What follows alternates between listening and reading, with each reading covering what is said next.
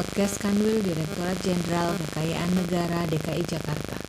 Podcast ini khusus membahas mengenai layanan dan program-program yang ada pada Kanwil Direktorat Jenderal Kekayaan Negara Jakarta. Kali ini kita akan membahas mengenai crash program dari bidang piutang negara yaitu program keringanan utang 2021. Teman-teman pasti sudah pernah dengar dong tentang crash program keringanan utang. Sebenarnya apa sih crash program keringanan utang itu? Sebagai bukti nyata kepedulian pemerintah terhadap kesulitan masyarakat kecil di masa pandemi ini, pemerintah melalui Kementerian Keuangan, Ceki Direktorat Jenderal Kekayaan Negara, membuat suatu kebijakan program pengurusan piutang yaitu crash program keringanan utang yang diharapkan dapat membantu meringankan beban masyarakat. Tujuan dari program ini selain untuk mempercepat penyelesaian piutang negara pada instansi pemerintah, sekaligus meringankan beban penanggung utang. Kebijakan tersebut tertuang dalam Peraturan Menteri Keuangan Nomor 15 Tahun 2021 tentang penyelesaian piutang instansi pemerintah yang diurus atau dikelola oleh Panitia Urusan Piutang Negara atau Direktorat Jenderal Kekayaan Negara dengan mekanisme crash program tahun anggaran 2021.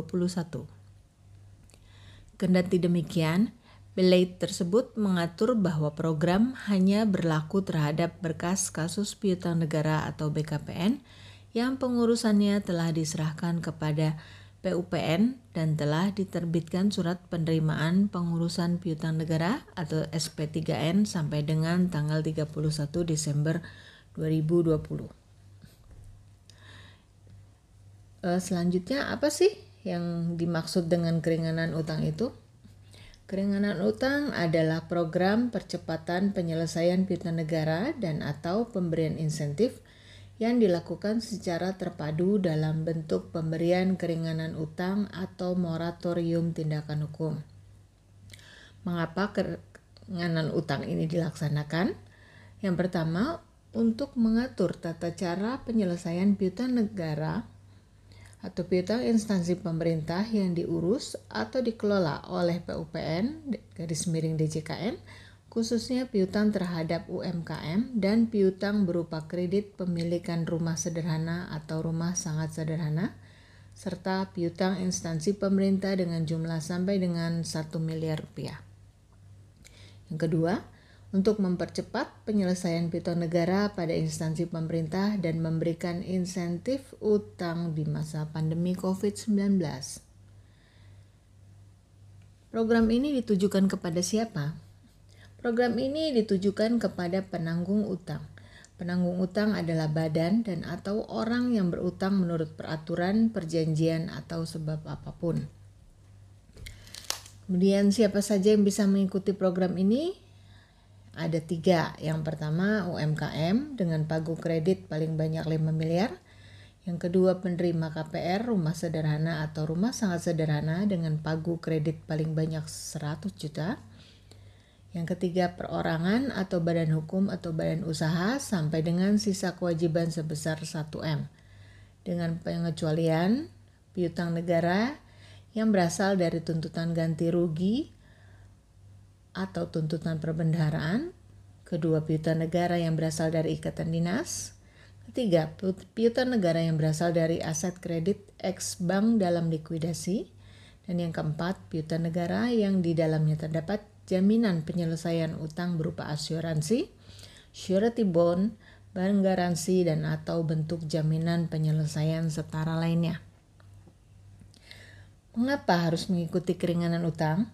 Penanggung utang yang mengikuti program ini akan memperoleh manfaat berupa satu keringanan utang, yaitu pengurangan pembayaran pelunasan utang oleh penanggung utang dengan diberikan pengurangan pokok, bunga, denda, ongkos biaya, atau beban lain. Dan yang kedua, adanya moratorium tindakan hukum, yaitu penghentian tindakan hukum penagihan piutang negara untuk sementara. Persentase keringanan utang yang akan diperoleh seperti apa sih? Nah, penghapusan seluruh sisa utang bunga, denda, dan ongkos biaya lainnya. Kemudian keringanan pokok utang sebesar 30%, 35% didukung apabila didukung dengan barang jaminan berupa tanah atau tanah dan bangunan. Yang kedua, sebesar 60% apabila tidak didukung barang jaminan berupa tanah atau tanah dan bangunan. Dan kemudian yang ketiga, adanya tambahan keringanan pada pokok utang setelah diberikan keringanan sebesar yang pertama 50% apabila pelunasan sampai dengan 30 Juni 2021. Kemudian yang kedua sebesar 30% apabila pelunasan dilakukan pada tanggal 1 Juli sampai 30 September 2021.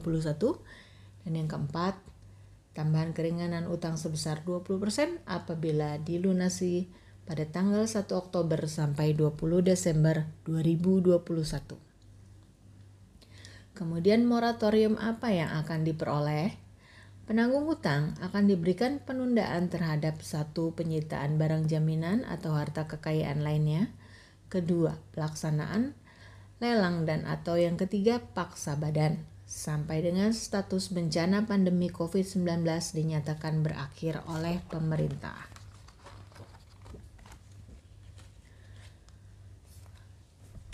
Alur proses pelaksanaan keringanan utang. Yang pertama, debitur melengkapi dan mengajukan permohonan keringanan utang. Yang kedua, KPKNL melakukan verifikasi permohonan. Apabila permohonan sesuai uh, klarifikasi penerima, ada dua tahapan lagi yang harus dilalui. Apabila tidak sesuai dengan verifikasi penerima, verifikasi klarifikasi penerima, maka KPKNL akan menolak permohonan keringanan utang. Dan debitur tidak termasuk ke dalam kategori penerima keringanan utang. Apabila KPKNL menyetujui surat permohonan yang diajukan debitur, maka yang pertama debitur akan melakukan pelunasan, kemudian setelah itu debitur akan menerima SP PNL dan dokumen jaminan dalam hal terdapat jaminan. Apa sih SPPNL itu? SPPNL itu adalah surat pernyataan piutang negara lunas. Pelunasan maksimal satu bulan sejak persetujuan dan penerimaan pelunasan terakhir tanggal 20 Desember 2021. Oke, teman-teman. Sesi pertama mengenai program keringanan utang 2021 telah selesai.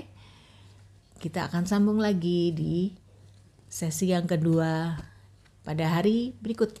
Terima kasih.